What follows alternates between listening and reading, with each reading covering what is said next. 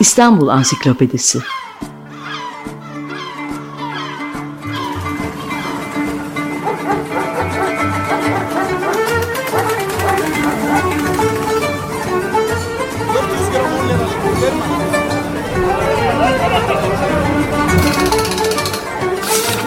İnsanlar, olaylar, mekanlar, gelenekler ve ihtiyaçlar üzerinden şehrin tarihinden sayfalar.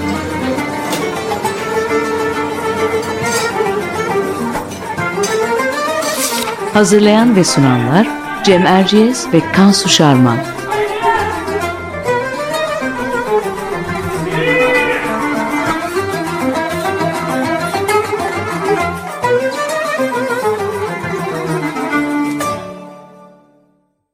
Merhabalar, ben Cem Erciyes.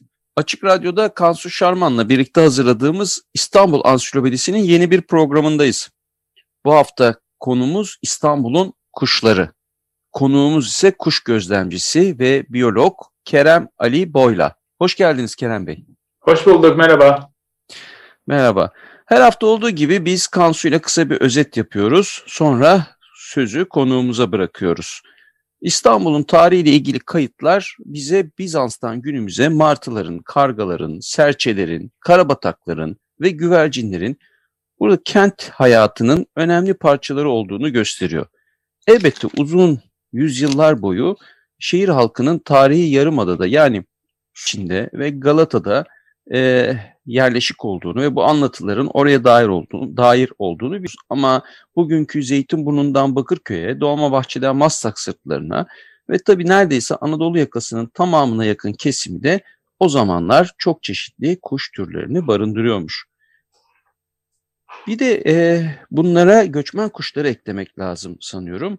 İstanbul ve yakın çevresine gelen leylekler, kırlangıçlar, ebabiller, atmacalar gibi kuşlar mevsimsel olarak kentin kuş türü zenginliğini daha da arttıran türlerdi. Günümüzde ise İstanbul'un günlük hayatında sıklıkla yiyecek bulmak için sahil şeridinden daha çok içeri mahallelere gelen martıları biliyoruz. Hali hazırda kentin meydanlarında, cami avlularında ve apartman çatılarında kendini gösteren güvercinleri, şehrin sokak çocukları olarak isimlendirilen kargaları hepimiz iyi biliyoruz. Kansu sen özellikle kargaların kent kültüründeki yeri hakkında çalışmış Atlas dergisine de bir yazı hazırlamıştın değil mi? Evet e, aslında konuğumuz Kerem Ali Boyla ile birlikte hazırladık. Ana bölümünü o hazırladı. Ben biraz karga kültürüyle ilgili olan bölümünü e, hazırlamıştım. Kargalar e, günümüzde kullanılan deyimle e, arızalı sayılan kuşlar bir miktar.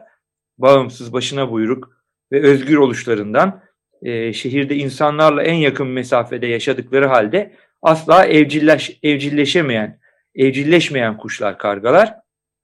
Tarlalarda ekinlerin düşmanı olmaları bir yana şehir içinde de hep çöplerin başında görüldüğünden e, leyleklere, güvercinlere, serçelere, papağanlara gösterilen muhabbet kargalardan birazcık esirgenmiş. E, hatta o kadar ki hırsızlık, gaddarlık, dalaverecilik, gürültücülük, leşçilik, sinsilik, açgözlülük, çetecilik gibi aslında insana özgü davranışların da simgesi olarak gösterilmiş oldular. E, gösterilmiş o, oldular. Gösterilir oldular. E, şimdi e, özetimizin sonunda İstanbul'da hangi kuş türleri yaşardı sorusuna e, İstanbul Kuş Gözlem Topluluğu'nun listesini önererek yanıt vereyim öncelikle. E, çünkü programa hazırlanırken internet, internet sitelerine baktım biraz. E, ağaç kakanlardan baykuşlara, çu, çulha kuşundan yelkovanlara, e, halkalı cılıbıt kuşundan söğüt bülbülüne onlarca tür yerli ve göçmen kuşun mekanı olmuş bu şehir ve olmaya da devam ediyor. E, şimdi daha fazla uzatmadan konuğumuza dönelim. E, Kerem Bey, e, İstanbul'un hem yerli türlerinden hem de göçmen konuklarından bahsedeceğiz. Öncelikle yerli türlerinden bahsedelim. İstanbul'un e, yerli kuş türleri hangileri? E, biz girişte kargaları, martıları, serçeleri ve güvercinleri saydık ama e, bunlardan mı ibaret başka türlerde var mı? Ya evet. E, bu konuyu şimdi iki şekilde ele almak isterim. Bir, e, evet İstanbul'un e, bilinen, tanınan kuşları deyince aklımıza gelen martılar, kargalar, serçeler ve güvercinler aslında tek bir türden oluşmuyor. Yani içinde farklı türleri barındıran bunlar kalabalık aileler. Mesela karga deyince e, çoğumuz aslında hangi tür kastettiğimizi de bilmiyoruz. Bizim leş kargası dediğimiz ismi çok dikkat çeker. E, en fazla bulunan karga var ama küçük karga, ekin kargası, kuzgun, hatta alakarga ve saksan aynı familyeden olup farklı isimleri olan türler var. Evet. Ee, mesela ekin kargası tek başına dikkat çeken bir tür. Çünkü İstanbul'da sadece kış aylarında var. Yazın yuvalamak için Trakya'ya veya diğer bozkır alanlara gidiyor. Alakargayı da çoğumuz bilmez. Hatta gördüğü zaman karga olduğunu da düşünmez. Çünkü o kadar güzel ve renklidir ki e, Almanya'daki birçok avcı alakarganın mavi tüyünü şapkasına süs olarak koyar. Hani ben ormanı çok gezdim, çok dolaştım. Doğayı çok iyi tanıyorum anlamındadır bu. E, martılar da aynı şekilde. E, orada, orada da bir pencere açalım. E, soğuk bir Aralık gününde vapura bindiğinizde simit atmaya başladığınızda vapuru takip eden kalabalık martı sürüsü içinde dört farklı martı türü görebilirsiniz. İstanbul'da ise toplam neredeyse 12-13 farklı tür var. Ee, yani birincisi bu bizim e, birkaç grupla sınırlandırdığımız e, kuşlar da aslında farklı türlerden oluşuyor. Tabii bunun ötesinde e, ikinci noktaya geçersem e, müthiş bir çeşitlilik var İstanbul'da. E, bunların nedenleri e, farklı nedenleri var. Birincisi İstanbul'un deniz açısından zengin olması.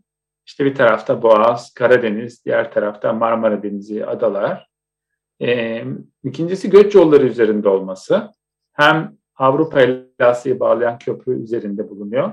Dolayısıyla Afrika'dan kalkıp Avrupa'ya gitmeye çalışan kuşların geçmek zorunda oldukları bir köprü. Diğer taraftan Karadeniz'de yuvalayıp kışı Akdeniz'de geçiren türlerin de hatta şöyle diyebilirim tunduralarda yani Kuzey Kutbu'nda yuvalayıp Hint okyanusunda kışı geçiren türlerin de bir kısmının geçmesi gereken bir deniz boğazı. O açıdan da çok zengin. Ee, kuzeyinde ormanlar var. Ee, güneyinde daha bozkır, kuru arazi var. Şehir var.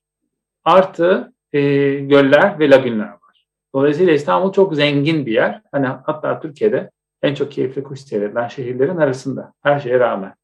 Peki e, e, bizim programımız aslen bir e, tarih programı olduğu için birazcık oradan da devam edelim. E, bu şehrin sakinlerinin kuşlarla ilişkisi geçmişte nasıl? Yani gü güvercin merakı çok konuşulur tabii. Yani taklacı güvercin, paçalı güvercin. E, Osmanlı devrinde İstanbullular camilerin, hanların duvarlarına kuş evleri yapmışlar. Mimari olarak da çok şık e, yapılar bunlar küçük küçük. E, neler biliyoruz geçmişte şehrin sakinleriyle kuşlar arasındaki ilişki hakkında? E ben güvercinlerden başlayabiliriz. Güvercin çok ilginç bir tür. E, güvercin e, her zaman çok ilginç. Bütün familyadaki birçok tür av kuşu. Fakat kaya güvercin ya da güvercin dediğimiz kuş bir şekilde kutsal bir nitelik kazanmış. E, kimse şehirde oturup güvercin vuran belki yaramaz çocuklar olabilir eski zamanlarda sapanlı ama e, güvercinler bir şekilde korunuyor ki bu kadar çok şehrimizde yaşıyor. İlginç olması şuradan kaynaklanıyor. E, yabani bir tür olarak da Türkiye'de bulunuyor. Aladağlara gittiğinizde ya da Fırat boyunda e, Birecik'te dolaştığınızda yabani kaya güvercini görebilirsiniz. E, keza gene yakın yerlerde Marmara Adası'ndaki e, madenlerin çevresinde kaya güvercinleri var. Ya da İzmir'de, Çeşme'de, adalarda. E, fakat bizdeki şehir güvercinleri bu kaya güvercininin evcilleşmiş bireylerinin tekrar yabanileşmiş formu. Yani e, ömürlerinin bir devresinde bu tür olarak söylüyorum. E, evcilleşmiş hatta güvercinin evcilleşmesi e, bilinen bir mevzu. Köpekten daha önce evcilleştiği eski çağlardan beri mağaralarda bizlerle yaşadığı düşünülüyor. Gübresi açısından da korunmuş. E, şimdi bu e, kaya güvercini şehir güvercini olarak çok ilginç. Doğuya doğru gittikçe kaya güvercini daha yabani tipler artıyor. Ama İstanbul'a doğru geldikçe daha siyah kahverengi evcil güvercin kökenli e, gen artıyor. Böyle bir e, şeyi var, e, güzelliği var. Güvercinden başka hangi türlerle ilişkisi var İstanbul halkının? Bence leyleklerle eski bir ilişkisi var. E, leylekler çünkü tam göç yolu üzerinde. Her yıl 600 bin leylek Doğu Avrupa'dan Afrika'ya gidiyor ve geliyor ilkbahar ve sonbaharda. İstanbul Boğazı da ana göç yolu üzerinde.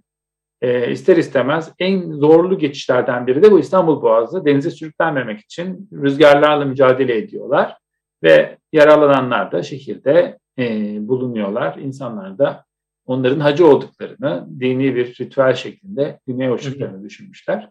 Onun için bu leylek hastaneleri falan hikayeleri var. Tabii o derin bir hikaye tam ayrıntısını bilmiyorum. Şimdi bir de kuş evleri konusu var değil mi? Onu da evet. biraz anlatayım. Ben e, çok bilgi sahibi değildim ama e, küçüklüğümden beri kuşlara e, ilgi duyduğumda, e, duyduğumu bilen e, birkaç akrabam bana kütüphanelerinden kuş evleriyle ilgili e, böyle dergilerde çıkan makalelerden kesip e, köpürler iletiyorlardı. Kuş evleri e, yanılmıyorsam böyle bir 5-10 yılda bir herhalde 80'lerden beri böyle bir canlanan ve ele alınan, incelenen ve herkesin dikkatini çeken bir konu. Yani evet. ölüp ölüp diriliyor. E, evet. Eski çok eski dergilerde de çıkıyordu. E, Türk Hava Yolları'nın çok eski e, gene işte magazinlerinde de bulunuyor. Şimdi orada ne olduğunu bilmiyoruz. Çünkü gerçekten burada biraz tarih ve biyolojinin e, bir arada çalışması yani iki disiplinin bir arada bulunması gereken bir araştırma konusu var. Ee, belki ben şöyle bir şeye inanmaya başladım ya da o ihtimali değerlendiriyorum şimdi. Ee, bir ara İstanbul şehrinde e, yoğun insan nüfusu ve e, belki de yeşil alanların olmaması yani sıfır denecek kadar azalması e, boş alanların çıplak, toprak ve tozlu hale gelmesi nedeniyle serçe nüfusu azalmış olabilir. E, şehirdeki kuşların nüfusları da yüzyıllardan yüzyıllara hatta 10 yıldan 10 yıla değişiklik gösterebiliyor. Eğer böyle bir şey varsa e, bir yerde okudum onu sonra kaybettim. Şöyle bir endişe olmuş. İstanbul'da çok az serçe kalmış. Bunun üzerine de işte padişah ve diğer işte o zaman e, güç sahibi yetkililere iletmişler. Böyle böyle efendim serçe, serçe kalmadı şehrimizde ne yapalım ne edelim. E, ve bunun üzerine öneri olarak da kuş evleri oluşturalım. E, yuvalayacakları alanlar çoğalsın. Bu şekilde bu hayvanlar e, çoğalsın demiş olabilirler. Çünkü e, bunu niye düşünmeye başladım? Hemen kısaca geçeyim. Çin'de çok hızlı bir e, hikaye var. E, Mao zamanında bütün serçelerin yok edilmesini tartışıyorlar. Ve üç gün boyunca serçelerin gece geçirdikleri ağaçların altında e, tencere tava çalarak, üç gün serçeleri uyutmayarak bütün serçeleri yok etmeyi başarıyorlar Çin'de. Bugün de kuş kitaplarının haritalara baktığınızda Çin'de ev serçesi yoktur. Daha çok sonra böcek Çin'e has, çok Çinvari bir hikaye hakikaten yani. evet. Evet bu yani e, sonra bu serçe nüfusu yok olunca bu sefer tarım zararları, böcekler asıl artıyor. Çünkü evet serçe tohumlarla besleniyor ama bütün tohum yiyen kuşlar da yavrularını proteinle beslemek, büyütmek zorundalar. Onun için böceklerle besliyorlar. Serçeler de yok olunca bunun üzerine serçe getirmeye karar veriyorlar. En yakın serçe nüfusu da kuzey herhalde Pekin bölgesi diyeyim. Hani orası da cehaletime vurun. Çin çok geniş bir coğrafya. Ee, Baykal e, gölünden ağaç serçesi getiriyorlar. Biraz daha farklı bir tür. E, ve her taraf şu anda Çin'de ağaç serçesi ve ev serçesi yok denecek kadar az. Böyle peki, bir hikaye duydum. Peki Kerem Bey, serçe dediğiniz e, İstanbul'da serçelerin durumu ne? Çünkü bunu biz de konuşuyoruz. Eskisi kadar çok serçe olmadığını, e, hatta sanatçılar da konuşuyor. E, biz e, gündelik hayatımızda da konuşuyoruz. Hakikaten serçeler azaldı mı? Ben de böyle bir duyum alıyorum. Şahsen emin değilim. Çok evet. dikkat etmedim. Bir de şöyle bir sıkıntı oluyor. İstanbul'da hepimiz farklı evlerde, farklı bölgelerde yaşıyor olabiliriz. Devamlı taşınıyoruz çünkü. Evet. Onun için şimdi ben Etiler'de büyüdüm. Ee, oradaki serçelerle Şişli'deki serçeleri karşılaştıramam. Ee, hangisi daha fazla onu da bilmiyorum. Peki, Ama bütün dünyada serçeler azalan türlerden. Tanrım. Peki e, İstanbul'un mesela eski kuş e, popülasyonlarını düşündüğümüz zaman e, gerek göçmen kuşları hesaba katarak gerek e, bu, burada sürekli bizimle birlikte olan kuşları hesaba katarsak e, azalanlar, e, hayatımızdan çekip gidenler, e, sadece tarihi vesikalarda kalanlar, kuş gözlemcilerin artık binbir zahmetle görebildikleri türler var mı? E, tabii ki çok değişiyor İstanbul'daki kuşlar. Yani 1950'den bugüne de değişti. E, önce hepimizin bildiği bir e, olguyla gireyim. Yeşil alanların yok olması, e, parkların, bahçelerin bozulması, çoğunun orman veya park niteliğini yitirmesi e, ya da doğal niteliğini yitirmesi ve yapay alanlara dönüşmesi. İşte bunlardan dolayı İstanbul'da çok daha az bülbül var, çok daha az kara tavuk var, hmm. e, çıt kuşu, kızılgerdan gibi park kuşlarının azaldığını söyleyebiliriz. Çok yeni bir olgu söyleyeyim. Yıldız Parkı'nda son 10-15 yılda yapılan e, park bahçe düzenlemeleri nedeniyle Yıldız Parkı'nda neredeyse hiç kara tavuk, bülbül e, ve kızılgerdan gibi ormanın alt dokusunda yaşayan ötücü kuş kalmadı. Çünkü onların bütün çalıları yok ettiler. Ha, onların yaşadığı çalılar gibi, vardı. Onları Park ve Bahçeler Müdürlüğü kaldırınca bu kuşlar artık oraya gelmez oldu. Kalmadı. Şimdi yaklaşım değişti yeni belediyede. Ama eski belediyede çalıları yok etmek üzerine çalışıyorlardı. En büyük nedenleri de işte orada insanlar beraber oluyorlar falan gibi böyle ahlaki kaygılar vardı onların kafasına göre. Şimdi başka şeyler de var. Ee, bunlar bir gerçek. Diğer taraftan akkarın nebabil gibi türler bence bir artışa geçti. E, beton seven türler var.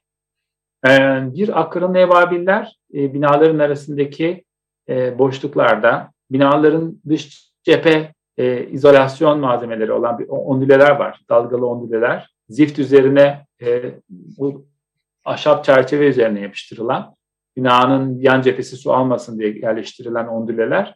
Onlar çok popülerdi 80'lerde ve 90'larda. Onların içine çok sayıda akkarın evabiller yuvalıyordu. Şimdi hmm. binalarda mantolamalar yapıldı, çatılar değişti, çıkıntılar azaldı. Akkarın ebavelerin sayıları tekrar düşüşe geçmiş olabilir. Ama geçmiş artışı da gene insanoğlu eliyle yapmıştı. Onun dışında e, çok ilginç bildiğimiz şeyler e, kara çaylaklar ve akbabalar. E, çok eski zamanlarda 16. yüzyılda e, yanılmıyorsam Fransız bir gezginin notlarında var. Sütlüce'deki kasaplardan beslenen kara çaylaklar. En çok kara, en son kara çaylak yuvasını e, benim zamanım lise zamanımda İstiklal Caddesi'nde 1991'de e, Rus e, konsolosluğunun bahçesindeki çitlenbik ağacında görmüştük. Sonra o kayboldu. E, büyük bir ihtimalle bir tane gene e, şeyde Unkapanı civarında veya Fatih bölgesinde yuvaladı. Ama o da sonra görülmedi. Karaçaylak yaygın bir kuş idi ama şu anda artık bir tane bile göremezsiniz İstanbul'da. Akbabaların soyu çok büyük bir ihtimalle Haliç bölgesinde yine hayvan kesme ve kasaplar e, yok olduktan sonra ve orası endüstrileşme e, dalgasıyla endüstriyel böyle fabrikaların falan bulunduğu yere dönüştüğü zaman küçük akbaba büyük bir ihtimalle yok oldu. Böyle çok eskiden bulunan ve yok olan hayvanlar da var.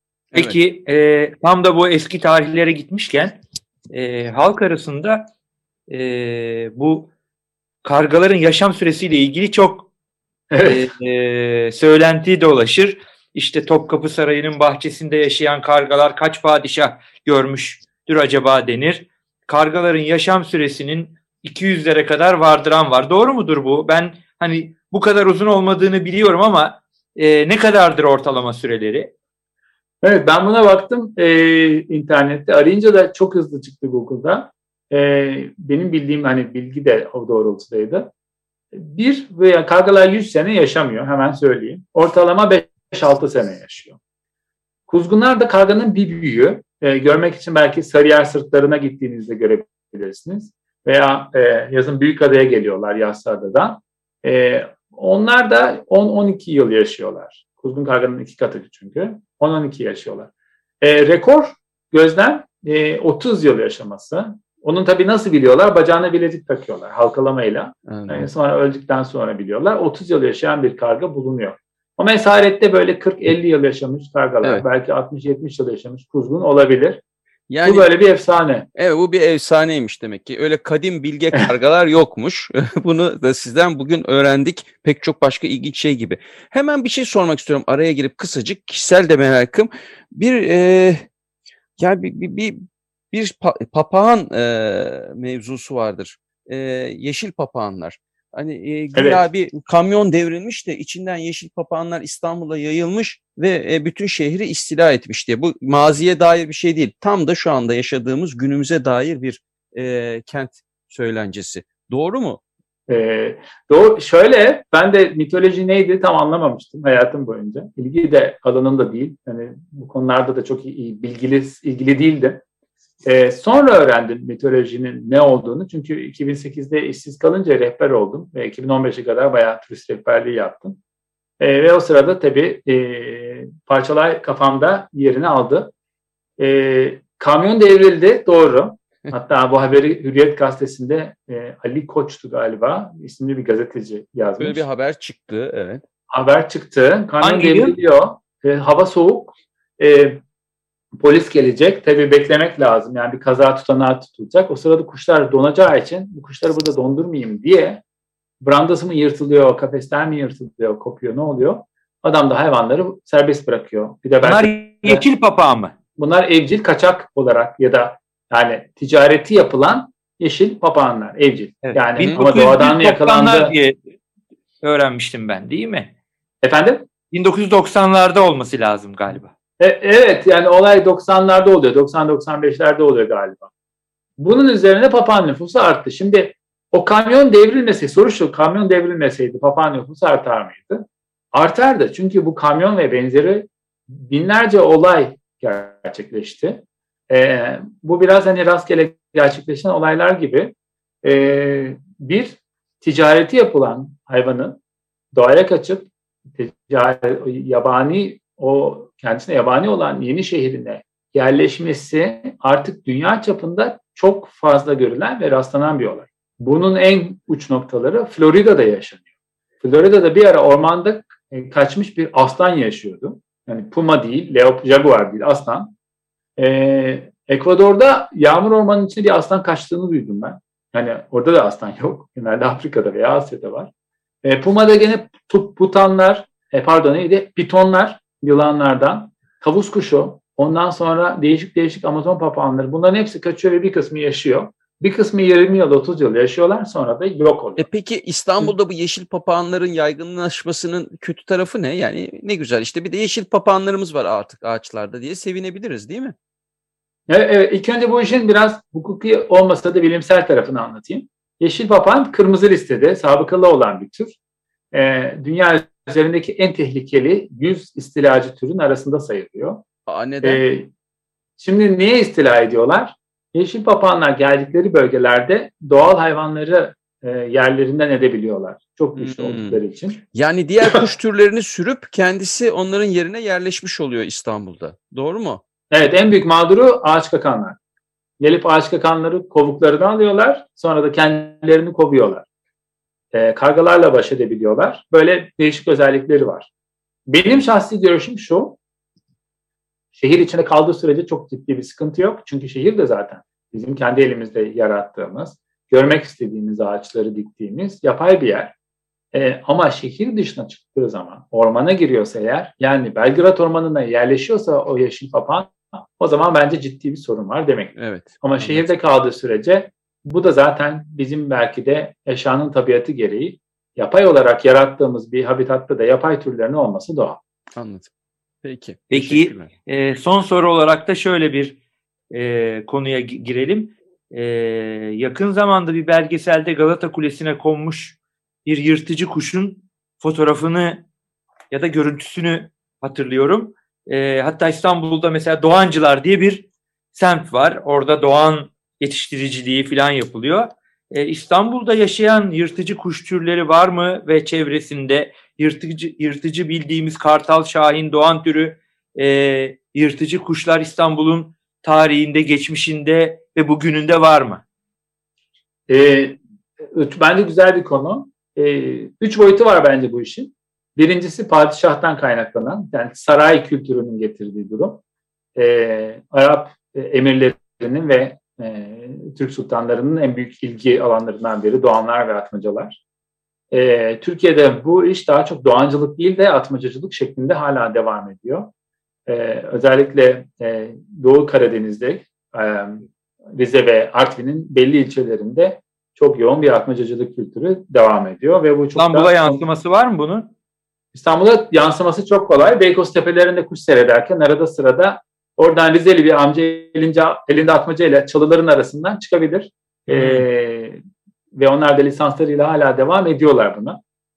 Ee, ikinci konu göç tabii. İstanbul'daki yırtıcı kuş göçü sadece işte çaylaklar tarafından, çaylaklar biliniyordu ee, 16. yüzyılda. Ama ondan sonra da 18. 19. yüzyılda çok büyük kalabalık kafilelerin göç ettiğini yine e, göçmen göz şey gezginler not etmişlerdi. E, gelelim e, bugünkü realiteye. E, iki yaygın tür İstanbul'da gene bulunuyor. E, ilk önce yaygın türleri söyleyeyim. Atmaca gene ve Şahin. Beklemeyeceğiniz şekilde Şahin kışın e, ilginçtir.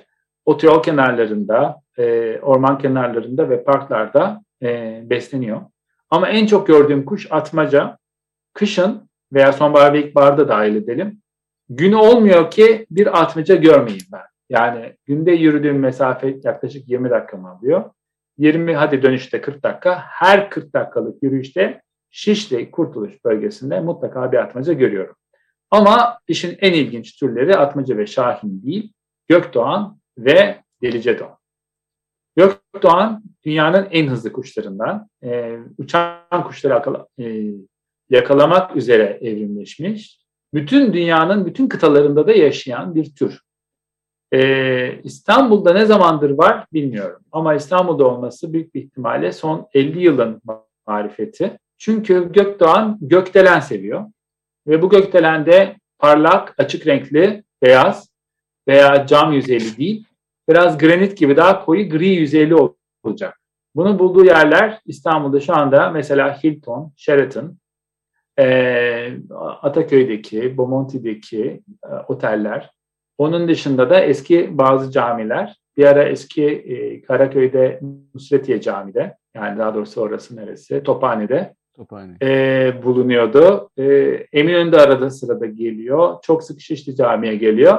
E, Gökdoğan e, artı binalarda yuvalıyor. Yavrusunu da yetiştiriyor. Daha çok kışın da geliyor. E, ve e, güvercinlerin de belası olarak gökyüzünü süslüyor. Peki. Çok güzel. Ee, süremizin sonuna geldik. Çok teşekkür ediyoruz Kerem Ali Boy'la. Sağ olun. Ee, gerçekten de şehrin hem geçmişine hem de bugününe ilişkin e, İstanbul'un kuşları çok fikir veriyor. Hatta e, kırlangıç fırtınası, çaylak fırtınası gibi göçmen kuşlar mevsimler mevsimsel olaylara da ismini vermiş. E, bu haftalık bu kadar. E, Kerem Ali Boyla'dan İstanbul'un kuşlarını dinledik. E, haftaya yeniden birlikte olmak üzere. Hoşçakalın. Hoşçakalın. Hoşçakalın. İstanbul Ansiklopedisi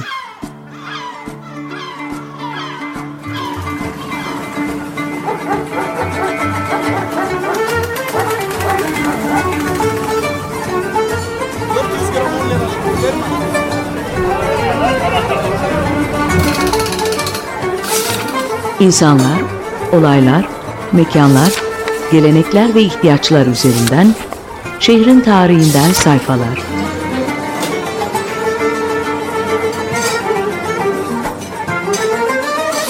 Hazırlayan ve sunanlar Cem Erciyes ve Kansu Şarman.